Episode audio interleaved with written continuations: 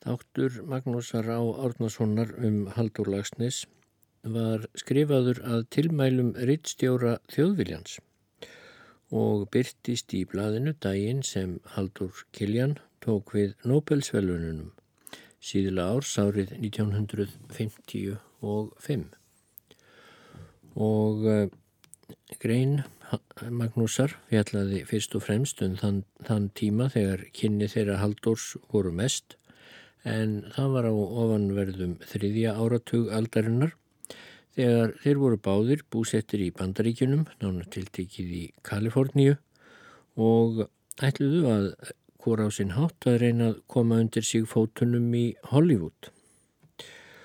Og eh, hefst þá lesturinn.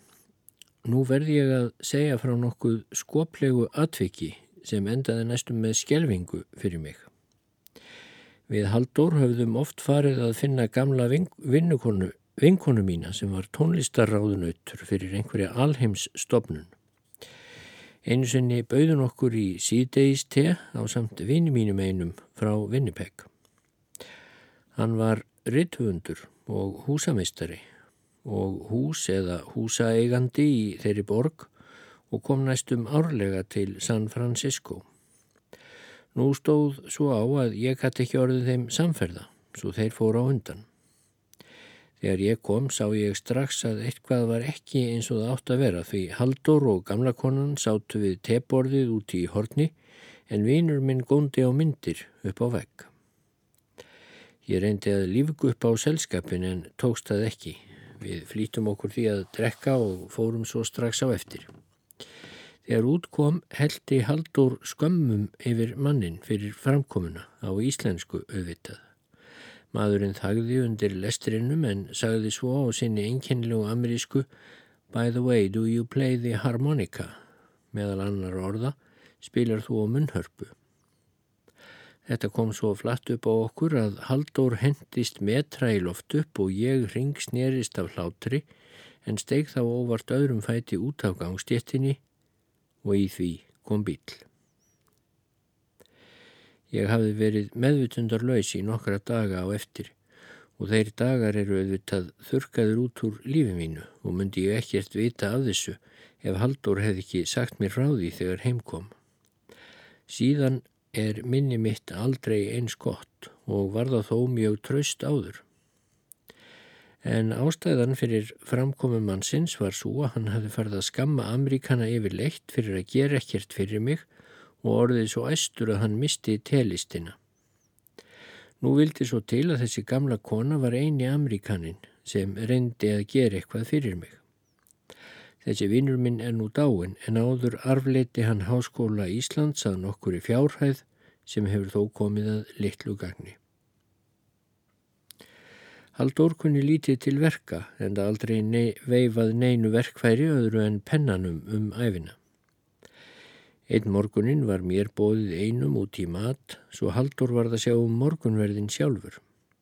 Að vísu setti ég havramjölið í tvöfaldan pott áður en ég fór og kvekti undir.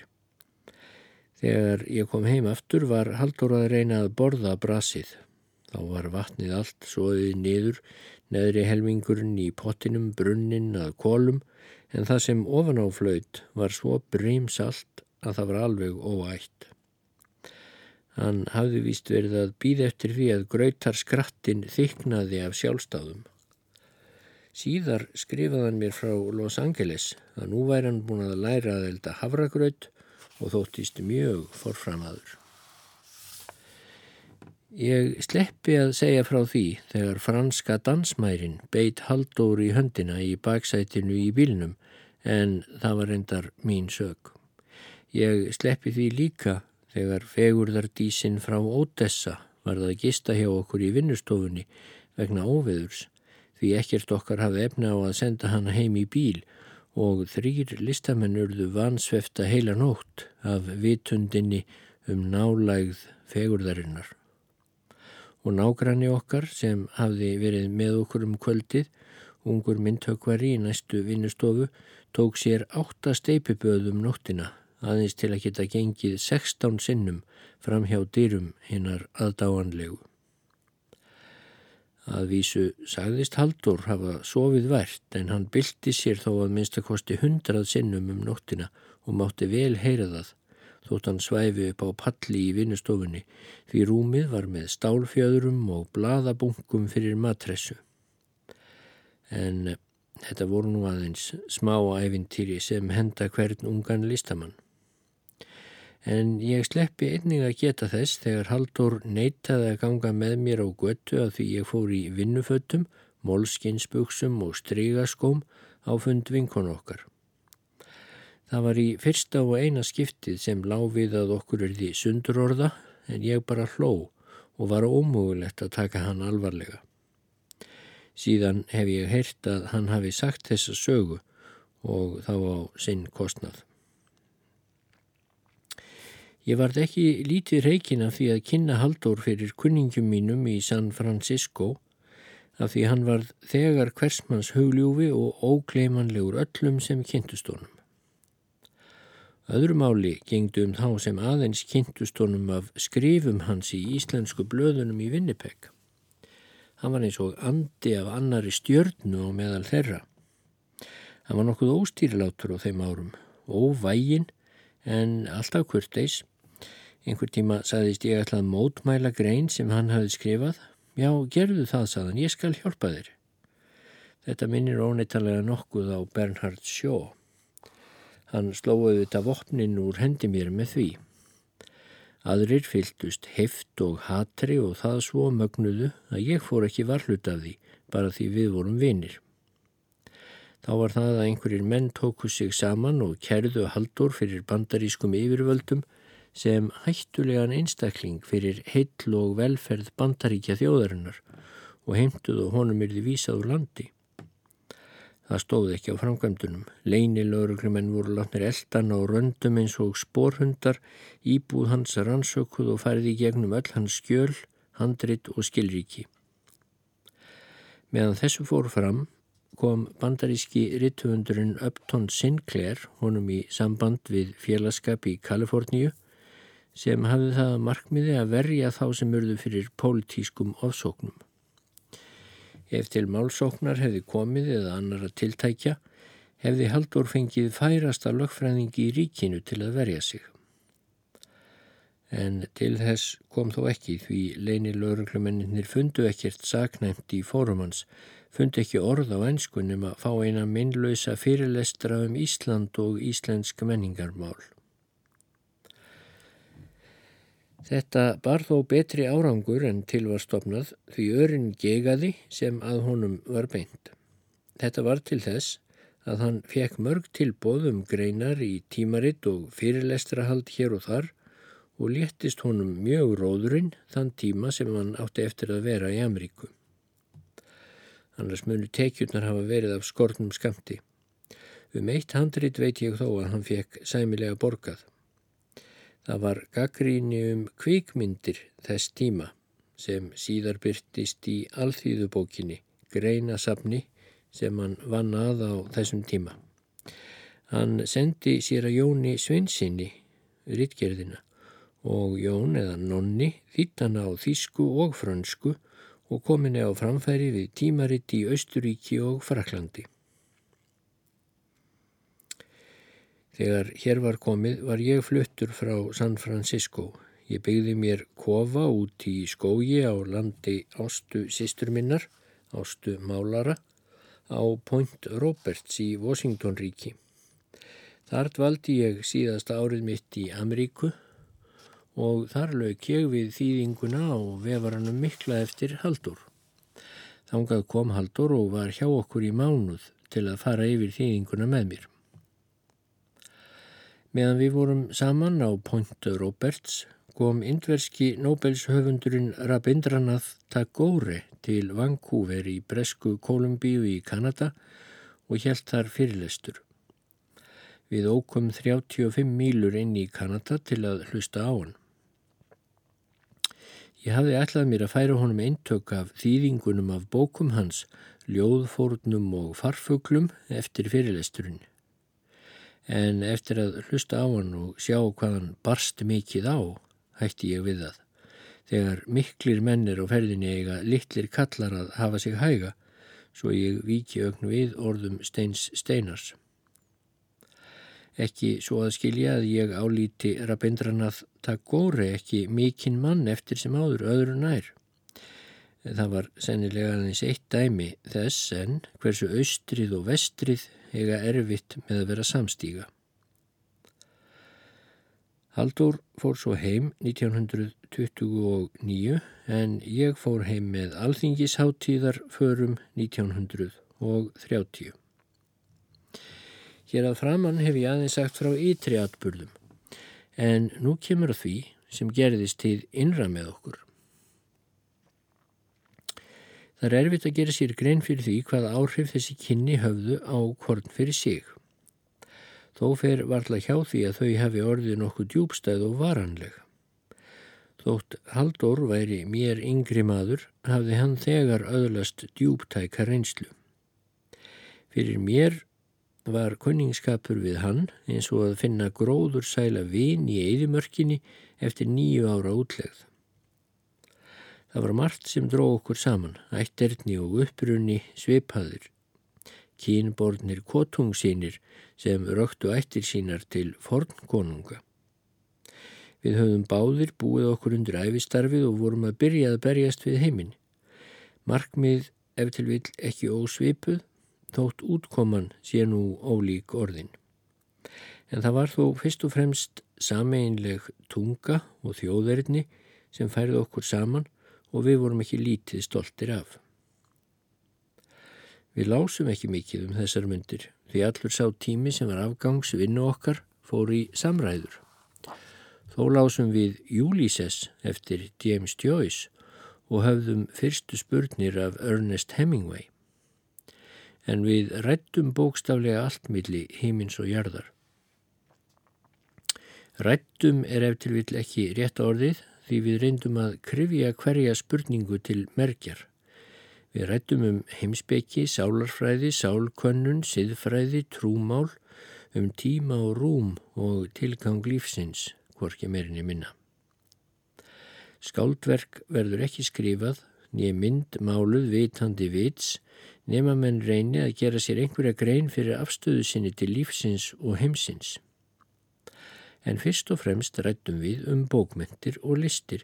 Mér hefur síðan oft óttið í hug þegar ég hef séð misjafna gaggríni um skáldverk lagsnes, stundum af litlu viti og minni kunnáttu, að höfundinum hefði verið holdt að fræðast af skáldinu um bókmyndir og sköpun skáldsagna áður en þeir fóru að skrifa. Og við rættum nokkuð um stjórnmál. Lagsnes hafði þá fyrir nokkuru snúið baki við katholskunni sem hann hafði aðhylst á árunum rétt upp úr tvítugu og í afturkvarfinu fjall hann í faðum sósialismans. Ég var eins og allur þorri Íslendinga fættur sósialisti og hafði myndað mér sósialistískar kenningar lungu áður en ég vissi að það orð væri til. Eins og ungum mönnum er tíkt þóttumst við haldur hafa bót við öllum meinum veraldar og það skorti eiginlega ekkert annað á en að stjórnartaumar heimsins væru lagðir okkur í hendur og þá yrði öllu borgið. Við reistum stjórnmálaskoðanir okkar á siðfræði, hinn í gamlu kenningu, hinn mestu gæði fyrir hinn mesta fjölda. Og gagvart byltingu eða andstöðu gegn kapitalisma standi einn í vegi fyrir velferð hundrað verður einn að víkja. Við aðhildumst engan sérstakann stjórnmálaflokk en vorum blátt áfram vinstir í sinnaðir sósialistar. Á hinbógin vildum við leggja hverju góðum málefni lið og styðja hverja góða tillögu hvaðan sem hún kom. Þetta virðist allt svo auðvelt úr fjarlægðinni. Þegar á hólminn kom breyttist afstæðan óhjákvæmilega. Það er auðmur maður sem ekki veit hvaða aðunum snýr og auðmur sá sem ekki geldur gott með góðu. Það er engin digð að vera vinur vina sinna heldur sjálfsagður hlutur. Þar sem ég er korkir í töfundur nýja stjórnmálamadur hefur lítið farið fyrir mínum stjórnmálaskoðunum til þessa með lagsnes gegnir öðru máli. Hann hefur aldrei farið dullt með skoðanir sínar og oft verið í brotti fylkingar en það skrifar hann af slíkum myndugleik að menn verða að taka tillit til þess sem hann segir hvort sem þeim líkar betur að verð. En stjórnmál hér á landi eru komin á það stig að sért ekki með mér þá ert á móti mér. Þar er engin millivegur og skynnseminn er þotinn út í veður og vind. Ég hef gerst marg orður um stjórnmálinn sögum þess að bæði heimsblöðin og ekki síst andstæðingablöðin hér á landi hafa viljað að draga afstöður lagsnes til stjórnmála í Eva eins og þau vissu betur um skoðanir hans en hann sjálfur. Við mynduðum okkur ungir stjórnmálaskoðanir eins og á undan er líst og mér vitanlega hefur engin teljandi breyting á þeim orðið. Ég veit að fyrir víst að við trúum korugur á líina. En ef kvítt má ekki kallast kvítt, þá er ekki til neins að vera að tala eða skrifa. Af kynum okkar lagsnes Eina jólanótt í Los Angeles fyrir 28 árum spannst vináta sem hefur ennst okkur fram á þennan dag og ég veit að mun endast okkur meðan við lifum báðir. Það var ekki hægt að finna ákjósanlegri félaga í útlegðinni því auk þess að vera manna skemmtilegustur í viðkynningu og umgengni þá er Haldur fágað prúðmenni og drengur góður. Annars var það ekki ætluninn að hlaða hann lofi því þetta er ekki eftirmæli heldur aðeins upprifjun hugstæðra endurminninga. Ég hef ekki híkað við að draga fram smámunni og ég vil það mannlegasta og hverstagslegasta því mannum er holdt að hafa það í huga, engum ofdýrkendum, að snillingurinn er líka maður.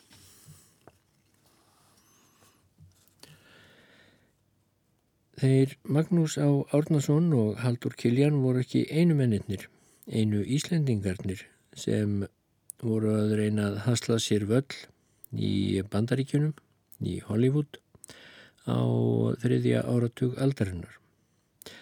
Þar var líka Bjarni Bjarnason, skopleikari og kunnastur á Íslandi sem eftirherma. Og Magnús segir líka frá honum í gaman þáttunum af vinum sínum. Ég hitti Bjarnar Björnsson, skopleikara í Los Angeles. Bjarni var gammal heimilisvinur okkar heima í Reykjavík og var því mikill fagnæðarfundur er við hittumst á þessum fjarlæga stað eftir fjölda mörg ár. Hann hefði kynst ástu sístur minni þegar hann var drengur en hún vinnukonna hjá frú Björgu í doktorshúsinu, ekki Markúsar skólastjóra. Þegar við hittumst í Los Angeles hafði Bjarni unnið í nokkur, nokkuð mörg ár í kveikmyndum í Hollywood. Hann hafði stundum fengið sæmileg hlutverk sem voru mjög vel borguð en svo liðu langir tímar á milli að hann fekk ekkert að gera og þá voru peningarnir fljóttir að fara. Og nú voru talmyndirnar að byrja. En þó að Bjarni talaði ensku reyprennandi þá náðan aldrei verulega góðum framburði svo það var vonlaust fyrir hann að koma stað í talmyndum. Aftur á móti var framburðurinn fullkominn þegar hann hermdi eftir einhverjum og þá var sama hvort umvarað ræða írst brók, negramál, gýðingamál eða venjulega amrísku. Bjarni bauð mér að gista hjá sér þá viku sem ég var í Los Angeles í það sinn. En hann skuldaði húsaleguna og urðum við því að læðast inn sent á kvöldin eftir að kettlingin, þar að segja svo sem réð húsum, var háttuð því annars var hann hrættur um að hún myndi himta af mér húsaleguna vegna þess að ég gisti hjá honum.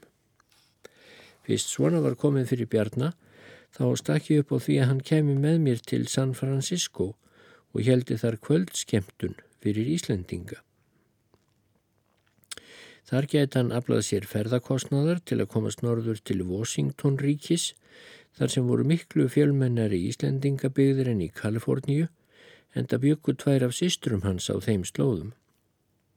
Þar mundan geta unnið sér fyrir fari til New York og í New York gæti hann fengið vinnu við skrautmálingu eins og hann hafði gert áður og unnið, fyrir, unnið sér fyrir fari heim til Íslands. Bjarni fylgdi þessari áallun alveg út í æsar. Ég hafði ekkið með kunningja mínum til Los Angeles og nú fórum við Bjarni báður með honum tilbaka til San Francisco. Hann fekk að búa í vinnstofum minni með því skilirði að hann drikki ekki en hann var nokkuð veikur á því svelli. Nú hafði Bjarni ekki haldið slíka kvöldskemtun í eh, fjöldamörg ár.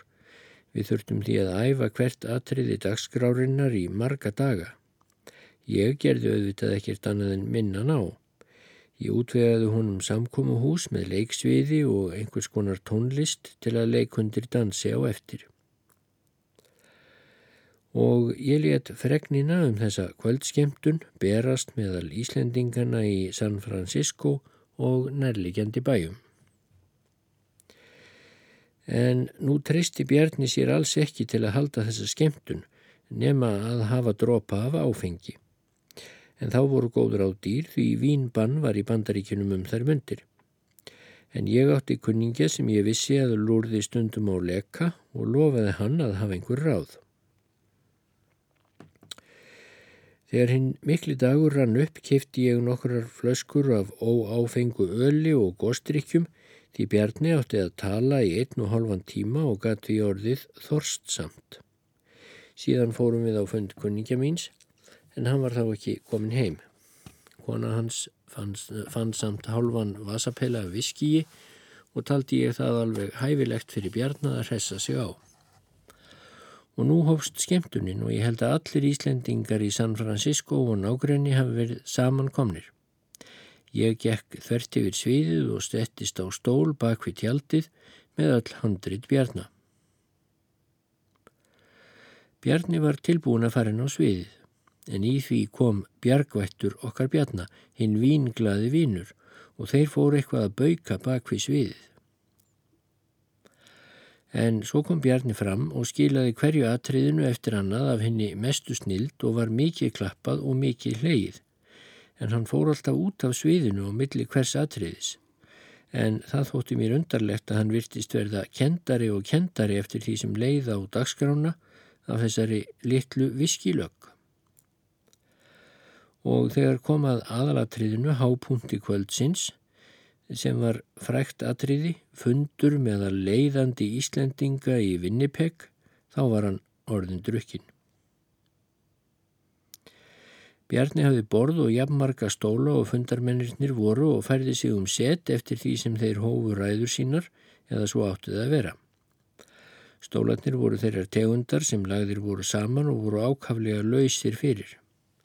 Það tók Bjarni óra tíma að raða stólunum kringum borðið og þegar hann var loksins búin að því rak hann fótinn í eitira svo hann skall á það næsta og síðan koll af kolli svo þeir fjallu flestir flatir á gólfið. Þá var klappað utan til í salnum. Rannveig Þorvardardóttir Smitt, vinkon okkar begja og maður hennar höfðu komið með nokkra danska kunningja sína og danirnir heldu að Bjarni værið að leika drukkin mann og fannst honum takkastað svo framúr skarandi vel. En Bjarni tók á sig rögg, reisti við stólana og setti slóks í fundarstjóra sætið. En nú mundan ekki neitt. Ég var stöðugt að hækka rómin og seinast hefur það hlotið að heyrast um allan salin þegar ég endað kvísla til hans. Að lokum misti Bjarni þólinnmæðin og kallaði til mín af nokkur um þjósti. Nú hvað er þetta maður? Talaði her, talaðu herra, ég heyr ekki hvað þú segir. Og þar með endaði skemmtunin. Hann gafst upp á fundinum, við gengum út af sviðinu en þá uppgötvaði ég að kunningi minn hafi fært honum fulla viskiflösku til viðbótar við hitt og Bjarni hafi þambað það en ekki snert við ölinu og góstrykjunum. Við gengum síðan fram í salin og þá ætlaði ég að kynna hann fyrir kunningum mínum en þá slagaði Bjarni svo mikið að ég skammaðist mín fyrir það og raug burt í fúsi. Klukkan eitt um nóttina kom Rannveig Smitt með hattinans Bjarni en Bjarni leti ekki sjá sig fyrir undir kvöld daginn eftir þegar loks var runnið af honum. Svo liðu þrjú ár og ég var valla komin heim 1930 en við hittumst þrýri í unuhúsi, Bjarni, Haldur Lagsnes og ég. Það var ógleimanleg stund. Bjarni var hinn snjallast í gamanleikari og eftirherma með afbregðum en skemmtilegastur var hann í vinahópi og nú var hann í essinu sínu, svo við haldur urðum næstum veikir af hlátri og urðum að halda á magan. Bjarnar var það einlegt að sjá alla hluti í skoplegu ljósi eða öllu heldur að sjá hérna skoplegu hlið á öllum hlutum og koma mannum til að hlæja en slíkir menn eru velgerðar menn mannverunar. En það var Bjarni hinn besti drengur og vinsæl mjög sem öllum þótti væntum er kynntustónum. Skop hans var svo græskulust að þeir sem hann hermdi eftir komu flestir til að hlusta á sjálfa sig. Bjarni var tæplega meðalmaður á hæð, vel vaksinn og fríður í andliti, dökkarður og rokkinhærður, kvatur í reyfingum. Hann hafði reymfagran róm og þægilegan.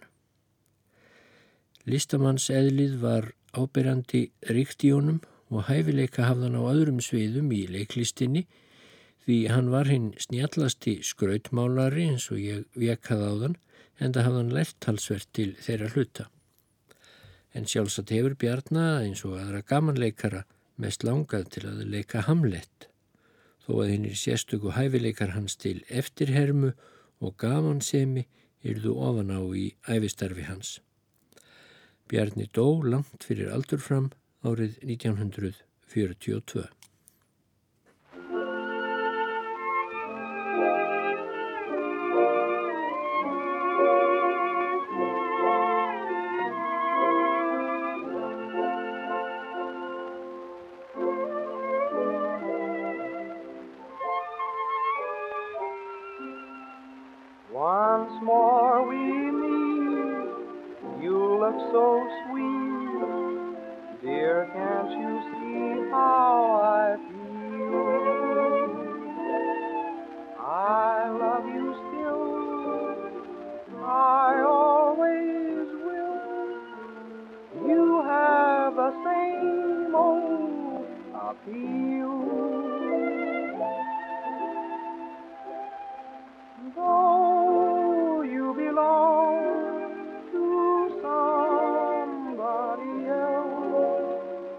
tonight.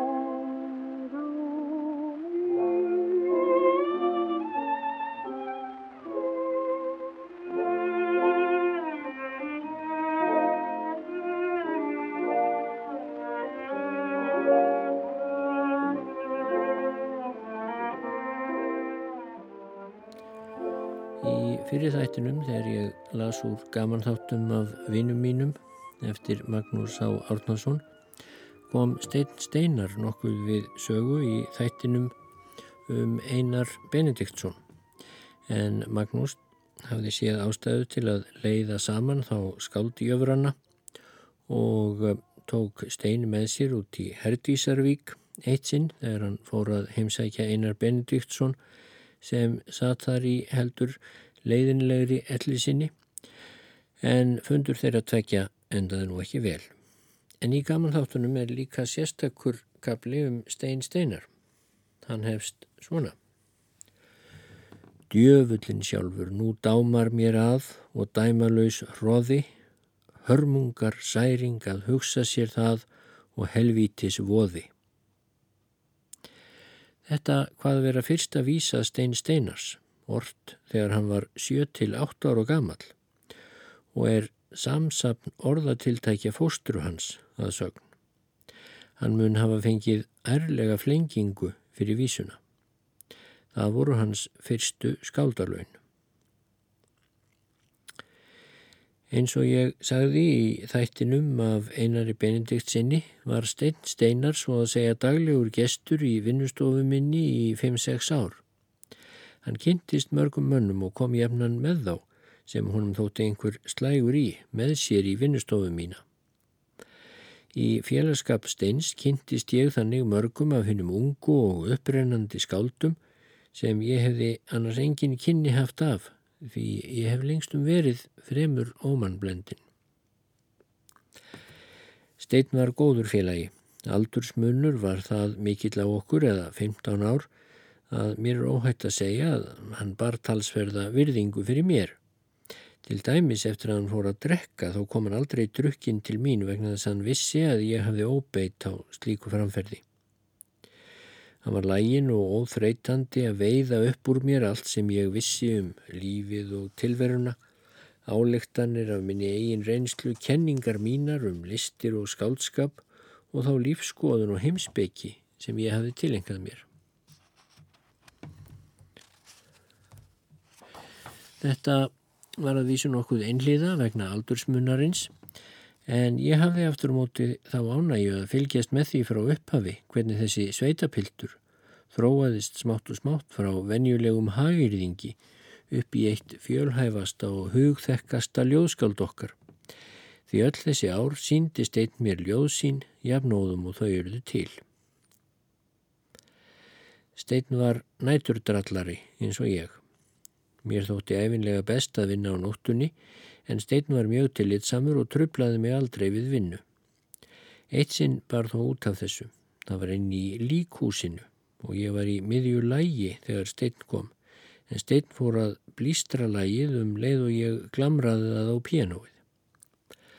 Ég lendi í mestu vandræðum. Ég mátti ekki skamma stein þá hefði andin rókið út í veður og vind.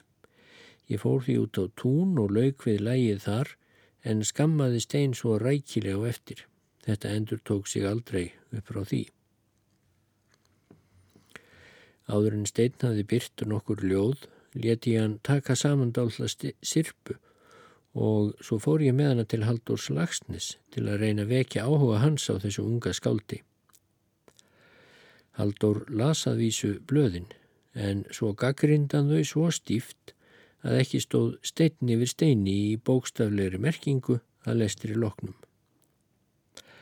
Ég förðaði mig á því að Halldór skild ekki sjá lengra en byrjendaljóðin síndu. Ég var ekki í minnsta vafa um að hér var komið eitt af upprennandi skáldum okkar. Setna eftir að ljóðabækur steins fóru að koma út þá var Haldur fljótur að sjá gildi þeirra og dró ekki af lofi sínu um höfundin, mátti telja á fingrum sér þau skáld sem kemust til jafns við stein og setna á fingrum annarar handar og svo framvegis þannig talaðunum ljóð steins. Einu sinni kom stein með þrjú ljóð sem áttu að vera byrjun á portrettum af vinum hans. Andlítið á vegnum var um kjærval, auðir bekkir um Egert Stefánsson og undir mánans sigð um mig. Ekki held ég að hvæðin í þessum dúr hafi orðið fleiri og þegar stein prentaði ljóðin um síðir slefti hann nöfnum okkar Hjarvals Eggerts og Mjett. Það má vist segja að enginn þekki sjálfan sig eins og aðri sjá hann. Maður þekkir ekki jafnvel sína eigin rödd þegar maður heyrir hann í fyrsta sinn í útvarpi. Ég veit það um mig því ég held ég hefði mjúka og hlýja rödd en í útvarpinu finnst mér hún köld og hörð. Mér þótti því gaman að þessu portretti steins af mér því það er alltaf fróðlegt að kynast í hvernig aðrir líta á mann. En það er svo mikil einmannakendi þessu ljóði undir mánans sigð að likur við óhugnaði. Það getur verið að ég hef orðið meiri bjart sínismadur með aldrinum og eins getur það verið að hernardeifa mín valdi því að maður virðist innkverfari en raunverulega á sér stað.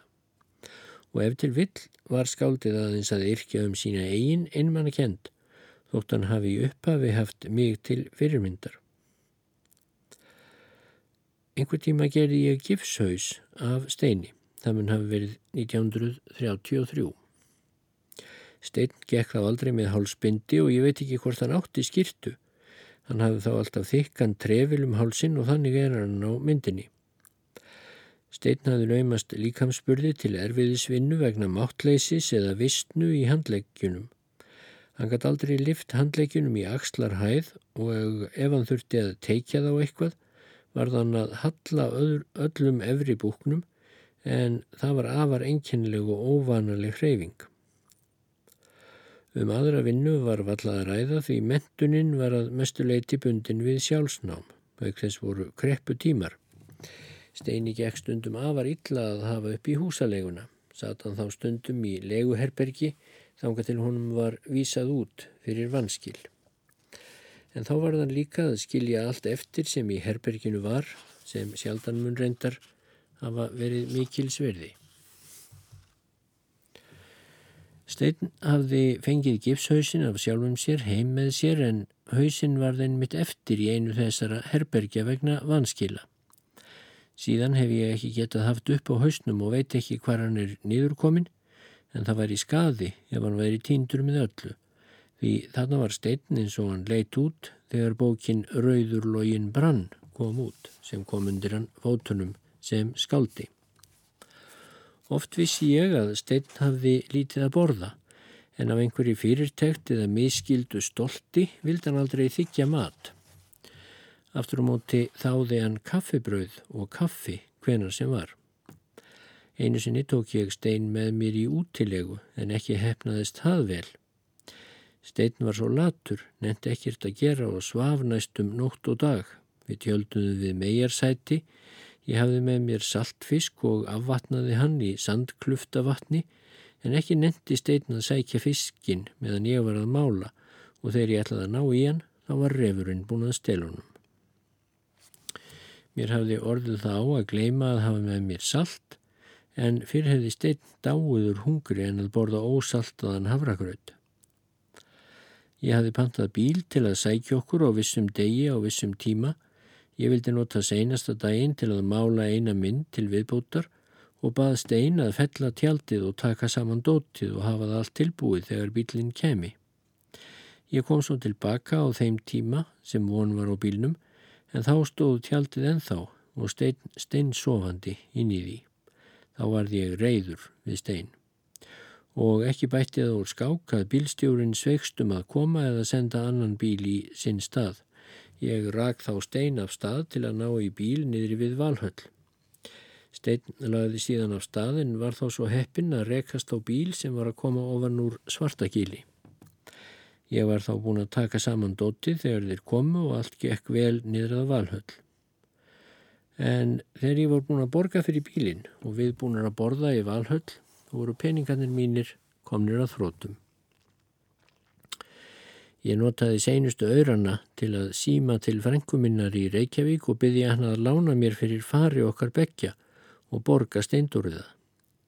Bílstjórun í áallunarbílnum tók þetta gott og gilt en þegar til Reykjavíkur kom tók steindur sjálfur á mót okkur og neytaði aðtuga hvort farið hefði verið borgað fyrir okkur og það voru óþvegin orð sem við fengum að heyra hjá forstjóra leigubílastöðarinnar. Áður en ég svarað honum ringdi ég til frængu minnar og spurði hvort hún hefði ekki borgað farið. Jú, það hafði meiri sé að komið bíl frá Steindóri til að sækja peningana.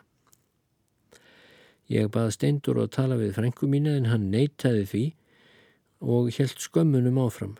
Það var hvorki meirinni minna en það að öll listamann stjettin saman stóð af intómum reblum en við tveir vorum auk þess svikarar og þjóvar og svo framvegis. Ég sárkendi í brjósti um emingja mannin, honum hlaut að líða ákaflega illa að ergja sig svona af engum hlut, auk þess sem svona framkoma hliti að spilla fyrir viðskiptum. En ekki bætti þetta úr skák og skildum við engir vinnir. Meðan ég fór til Englands til að kvænast fekk steinnað búa í vinnustofuminni sem þá var í kjallaranum í miðstrætti fjögur en ég setti það skilir því að hann leti engar bækur fara út úr vinnustofunni. Ég hafi tekið eftir því að steitn var haldin einhverjum fjárhans kvolpaburði á bókum. Hann tók þær upp hvar sem hann var stattur og skildi þær eftir hvar sem hann kom. Vinnustofa mín í miðstrætti hafi áður verið málaraverkstæði Jónsar Reykdals, málaramistara, mjög rúmgóð en látt undir loft. Það var engin miðstöð og hitaði ég upp með kólaofni. Þetta var timburhús kjallarinn fullur af músum. Ég hef óviðræðanlegan ótta eða fóbíu af rottum og músum og þykir þó vendum þær eins og annur dýr. En hef gaman af að aðtuga þær í hæfilegri fjarlægð þó mér sé ekki um nábíli þeirra gefið. Ég hafði lagt borð upp við einn veggin og litla skápa og hvorum enda þess sem ég geimdi í í mislegt matarkins. Mísnar örðu bísna ágengar í þessa skápa og hrifðu sig varla þótt ég opnaði skáphörðurnar. En ef þær örðu hrættar, stukkuð þær í fangið á mér og gerðu mig enn hrættari en þær voru sjálf, sjálfar. Eftir ég kom heim með brúði mína, vorum við þarna í vinnustofun í eina viku áður en við gáttum sestað á lækjarbakka þar sem við ætluðum að búa. Þarna var auðvitað ekkert vassalirni heldur aðeins gamaldags út í kamar.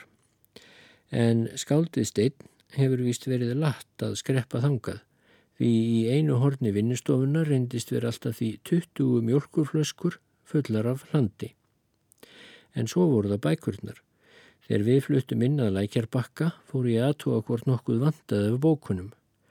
Ég átti talsvert af ljóðabókum sem mér þótti nöðsynlegt að hafa við hendina ef ég myndi eftir ljóði til að gera lag við. Við aðtugun kom í ljós að mig vantaði 20 ljóðabækur og sumar þeirra voru fágætar útgáfur. Ég gerði skrá yfir bækurnar og heimtaði af steini að hann hefði upp á þeim. Auk eh, þess voru þarna nýju bækur með nöfnum annara manna sem ég sagði honum að skila aftur. Tímin leið og ekkert heyrðist frá steini. Aftur móti heyrði ég það haft eftir honum að mikið hefðan Magnús breyst síðan hann kventist. Einum eða tveimur mánuðum setna ringdi Ársæl bróður minn til mín og saði mér að stein hefði komið með bókapakka til mín og skilið hann eftir á skrifstofunni hjá bróður mínum. Í pakkanum voru átta bækur en þar af ekki nema fjórar á skránni sem ég hefði fengið steini og hinnar 16 hef ég ekki séð síðan. Einhver tíma kom steinn með eftirfærandi sögu sem mér þótti mjög gaman að. Það var meðan bandalag íslenskara listamanna var einn deild og listgreinum skipti í deildir en ekki sambandsfélög eins og síðar. Haldur Lagsnis var þá formaður bandalagsins og stakk upp á því við málarana þeir tækju Magnús á Árnason í félagsitt.